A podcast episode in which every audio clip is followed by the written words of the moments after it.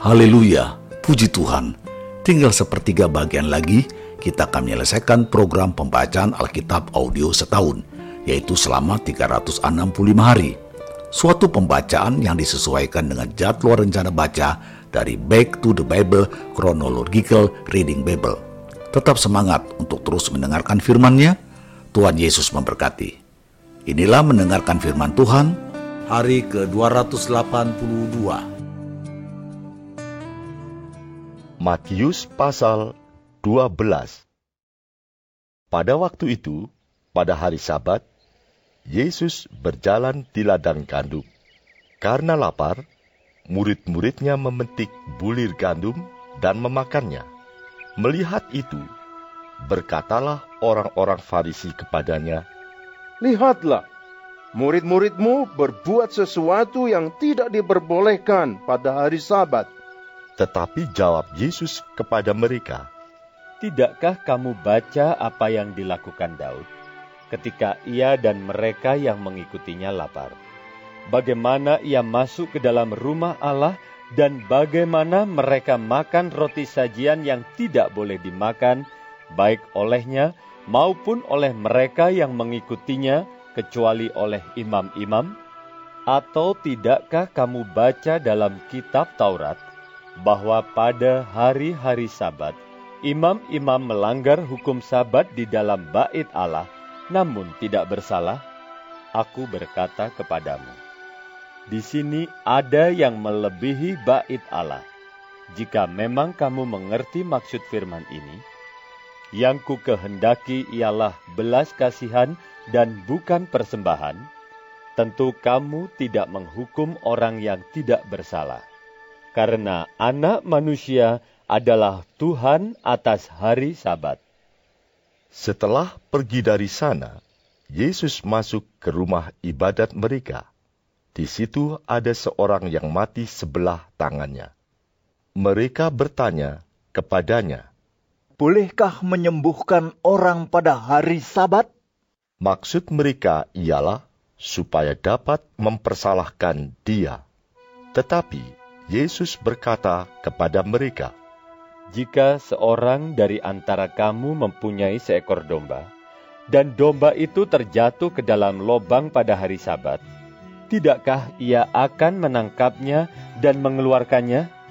Bukankah manusia jauh lebih berharga daripada domba? Karena itu, boleh berbuat baik pada hari Sabat. Lalu kata Yesus kepada orang itu, Ulurkanlah tanganmu. dan ia mengulurkannya, maka pulihlah tangannya itu dan menjadi sehat seperti tangannya yang lain. Lalu keluarlah orang-orang Farisi itu dan bersekongkol untuk membunuh dia. Tetapi Yesus mengetahui maksud mereka, lalu menyingkir dari sana. Banyak orang mengikuti Yesus, dan Ia menyembuhkan mereka semuanya. Ia dengan keras melarang mereka, memberitahukan siapa Dia, supaya genaplah firman yang disampaikan oleh Nabi Yesaya. Lihatlah, itu hambaku yang kupilih, yang kukasihi, yang kepadanya jiwaku berkenan. Aku akan menaruh rohku ke atasnya, dan ia akan memaklumkan hukum kepada bangsa-bangsa. Ia tidak akan berbantah, dan tidak akan berteriak, dan orang tidak akan mendengar suaranya di jalan-jalan. Buluh yang patah terkulai tidak akan diputuskannya, dan sumbu yang pudar nyalanya tidak akan dipadamkannya, sampai ia menjadikan hukum itu menang. Dan padanyalah bangsa-bangsa akan berharap. Markus pasal 3 Kemudian Yesus masuk lagi ke rumah ibadat. Di situ ada seorang yang mati sebelah tangannya. Mereka mengamat-amati Yesus. Kalau-kalau ia menyembuhkan orang itu pada hari Sabat, supaya mereka dapat mempersalahkan dia. Kata Yesus kepada orang yang mati sebelah tangannya itu, Mari, berdirilah di tengah. kemudian katanya kepada mereka, Manakah yang diperbolehkan pada hari Sabat? Berbuat baik atau berbuat jahat, menyelamatkan nyawa orang atau membunuh orang. Tetapi mereka itu diam saja. Ia berduka cita karena kedegilan mereka, dan dengan marah ia memandang sekelilingnya kepada mereka, lalu ia berkata kepada orang itu, Ulurkanlah tanganmu. Dan ia mengulurkannya, maka sembuhlah tangannya itu. Lalu keluarlah orang-orang Farisi dan segera bersekongkol dengan orang-orang Herodian untuk membunuh dia. Kemudian Yesus dengan murid-muridnya menyingkir ke danau, dan banyak orang dari Galilea mengikutinya. Juga dari Yudea, dari Yerusalem, dari Idumea, dari seberang Yordan, dan dari daerah Tirus dan Sidon, datang banyak orang kepadanya. Sesudah mereka mendengar segala yang dilakukannya, ia menyuruh murid-muridnya menyediakan sebuah perahu baginya karena orang banyak itu, supaya mereka jangan sampai menghimpitnya. Sebab ia menyembuhkan banyak orang, sehingga semua penderita penyakit berdesak-desakan kepadanya, hendak menjamahnya. Bila mana roh-roh jahat melihat dia, mereka jatuh tersungkur di hadapannya dan berteriak, Engkaulah anak Allah. Tetapi ia dengan keras melarang mereka memberitahukan siapa dia. Kemudian naiklah Yesus ke atas bukit. Ia memanggil orang-orang yang dikehendakinya, dan mereka pun datang kepadanya. Ia menetapkan dua belas orang untuk menyertai dia dan untuk diutusnya memberitakan Injil, dan diberinya kuasa untuk mengusir setan. Kedua belas orang yang ditetapkannya itu ialah Simon, yang diberinya nama Petrus, Yakobus anak Zebedius, dan Yohanes saudara Yakobus, yang keduanya diberinya nama Boanerges, yang berarti anak-anak guru. Selanjutnya Andreas, Filipus, Bartolomeus, Matius, Thomas, Yakobus anak Alfeus, Tadeus, Simon orang Selot, dan Yudas Iskariot yang mengkhianati dia. Kemudian Yesus masuk ke sebuah rumah. Maka datanglah orang banyak berkerumun pula, sehingga makan pun mereka tidak dapat. Waktu kaum keluarganya mendengar hal itu, mereka datang hendak mengambil dia, sebab kata mereka, ia tidak waras lagi dan ahli-ahli Taurat yang datang dari Yerusalem berkata, Ia kerasukan Beelzebul, dan dengan penghulu setan, ia mengusir setan. Yesus memanggil mereka, lalu berkata kepada mereka dalam perumpamaan, Bagaimana iblis dapat mengusir iblis kalau suatu kerajaan terpecah-pecah? Kerajaan itu tidak dapat bertahan dan jika suatu rumah tangga terpecah-pecah, rumah tangga itu tidak dapat bertahan. Demikianlah juga kalau iblis berontak melawan dirinya sendiri, dan kalau ia terbagi-bagi, ia tidak dapat bertahan, melainkan sudahlah tiba kesudahannya. Tetapi tidak seorang pun dapat memasuki rumah seorang yang kuat untuk merampas harta bendanya, apabila tidak diikatnya dahulu orang kuat itu. Sesudah itu, barulah dapat ia merampok rumah itu. Aku berkata kepadamu, sesungguhnya semua dosa dan hujat anak-anak manusia akan diampuni. Ya, semua hujat yang mereka ucapkan. Tetapi apabila seorang menghujat Roh Kudus, ia tidak mendapat ampun selama-lamanya, melainkan bersalah karena berbuat dosa kekal. Ia berkata demikian karena mereka katakan bahwa ia kerasukan roh jahat. Lalu datanglah ibu dan saudara-saudara Yesus. Sementara mereka berdiri di luar, mereka menyuruh orang memanggil dia. Ada orang banyak duduk mengelilingi dia Mereka berkata kepadanya, Lihat, ibu dan saudara-saudaramu ada di luar dan berusaha menemui engkau. Jawab Yesus kepada mereka, Siapa ibuku dan siapa saudara-saudaraku?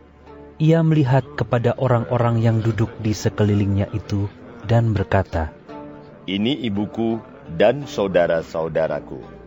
Barang siapa melakukan kehendak Allah, dialah saudaraku laki-laki, dialah saudaraku perempuan, dialah ibuku.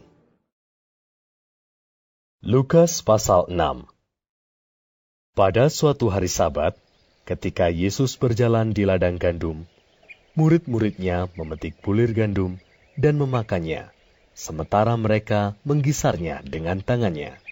Tetapi beberapa orang Farisi berkata, Mengapa kamu berbuat sesuatu yang tidak diperbolehkan pada hari Sabat? Lalu Yesus menjawab mereka, Tidakkah kamu baca apa yang dilakukan oleh Daud ketika ia dan mereka yang mengikutinya lapar? Bagaimana ia masuk ke dalam rumah Allah dan mengambil roti sajian, lalu memakannya dan memberikannya kepada pengikut-pengikutnya? Padahal roti itu tidak boleh dimakan kecuali oleh imam-imam. Kata Yesus lagi kepada mereka, Anak manusia adalah Tuhan atas hari Sabat. Pada suatu hari Sabat lain, Yesus masuk ke rumah ibadat lalu mengajar. Di situ ada seorang yang mati tangan kanannya. Ahli-ahli Taurat dan orang-orang Farisi mengamat-amati Yesus. Kalau-kalau ia menyembuhkan orang pada hari Sabat, supaya mereka dapat alasan untuk mempersalahkan dia. Tetapi ia mengetahui pikiran mereka, lalu berkata kepada orang yang mati tangannya itu, Bangunlah dan berdirilah di tengah. Maka bangunlah orang itu dan berdiri. Lalu Yesus berkata kepada mereka, Aku bertanya kepada kamu, manakah yang diperbolehkan pada hari Sabat? Berbuat baik atau berbuat jahat menyelamatkan nyawa orang atau membinasakannya? Sesudah itu, ia memandang keliling kepada mereka semua, lalu berkata kepada orang sakit itu, "Ulurkanlah tanganmu." Orang itu berbuat demikian, dan sembuhlah tangannya. Maka meluaplah amarah mereka, lalu mereka berunding apakah yang akan mereka lakukan terhadap Yesus. Pada waktu itu, pergilah Yesus ke bukit untuk berdoa, dan semalam-malaman ia berdoa kepada Allah. Ketika hari siang, ia memanggil murid-muridnya kepadanya, lalu memilih dari antara mereka dua belas orang, yang disebutnya Rasul. Simon, yang juga diberinya nama Petrus, dan Andreas, saudara Simon, Yakobus dan Yohanes, Filipus dan Bartolomeus, Matius dan Thomas, Yakobus anak Alfeus, dan Simon yang disebut orang Selot, Yudas anak Yakobus, dan Yudas Iskariot yang kemudian menjadi pengkhianat. Lalu ia turun dengan mereka dan berhenti pada suatu tempat yang datar. Di situ berkumpul sejumlah besar dari murid-muridnya dan banyak orang lain yang datang dari seluruh Yudea dan dari Yerusalem dan dari daerah pantai Tirus dan Sidon. Mereka datang untuk mendengarkan dia dan untuk disembuhkan dari penyakit mereka. Juga mereka yang dirasuk oleh roh-roh jahat beroleh kesembuhan.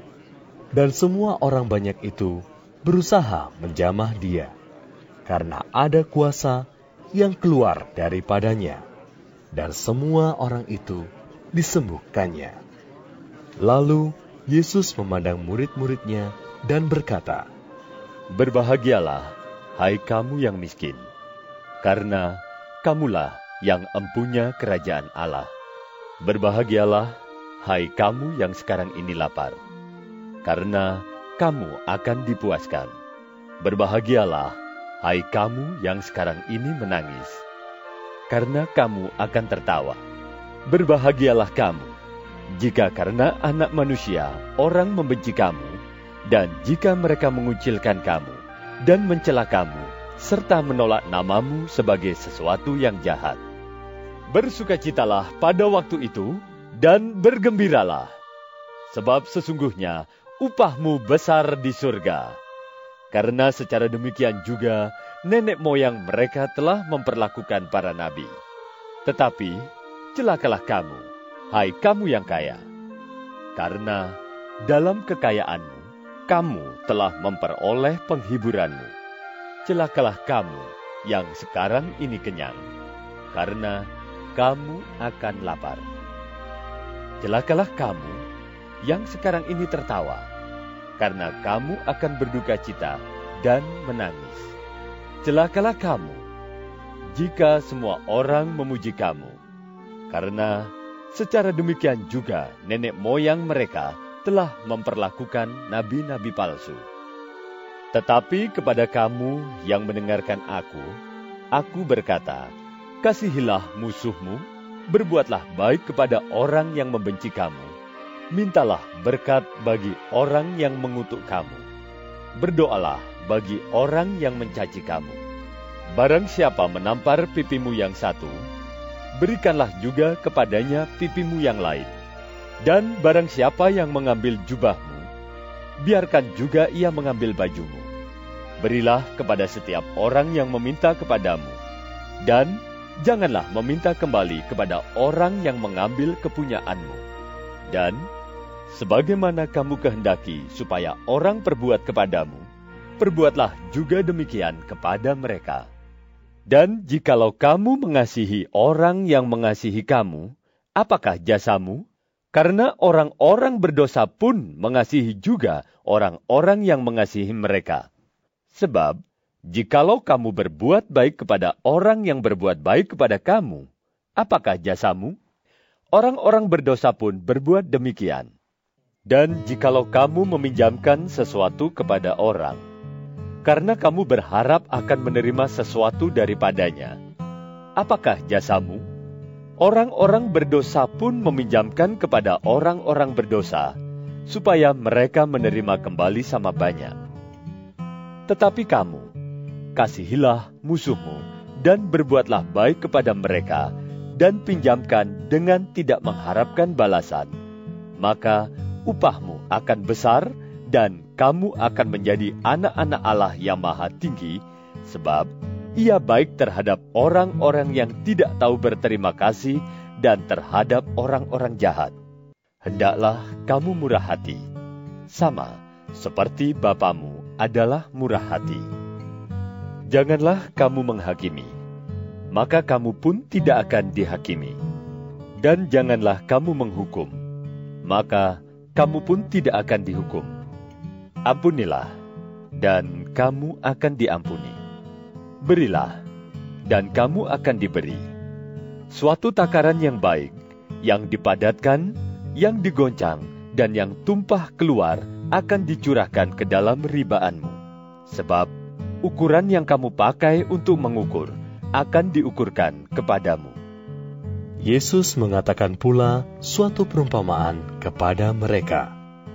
Dapatkah orang buta menuntun orang buta Bukankah keduanya akan jatuh ke dalam lubang?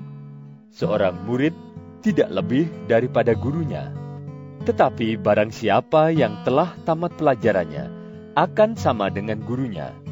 Mengapakah engkau melihat selumbar di dalam mata saudaramu, sedangkan balok di dalam matamu sendiri tidak engkau ketahui? Bagaimanakah engkau dapat berkata kepada saudaramu, "Saudara, biarlah aku mengeluarkan selumbar yang ada di dalam matamu. Padahal, balok yang di dalam matamu tidak engkau lihat. Hai orang munafik, keluarkanlah dahulu balok dari matamu. Maka engkau akan melihat dengan jelas untuk mengeluarkan selumbar itu dari mata saudaramu. Karena tidak ada pohon yang baik yang menghasilkan buah yang tidak baik, dan juga tidak ada pohon yang tidak baik yang menghasilkan buah yang baik. Sebab setiap pohon dikenal pada buahnya. Karena dari semak duri orang tidak memetik buah ara, dan dari duri-duri tidak memetik buah anggur. Orang yang baik mengeluarkan barang yang baik dari perbendaharaan hatinya yang baik, dan orang yang jahat mengeluarkan barang yang jahat dari perbendaharaannya yang jahat. Karena yang diucapkan mulutnya meluap dari hatinya. Mengapa kamu berseru kepadaku, Tuhan, Tuhan, padahal kamu tidak melakukan apa yang aku katakan? Setiap orang yang datang kepadaku dan mendengarkan perkataanku serta melakukannya, aku akan menyatakan kepadamu dengan siapa ia dapat disamakan. Ia sama dengan seorang yang mendirikan rumah.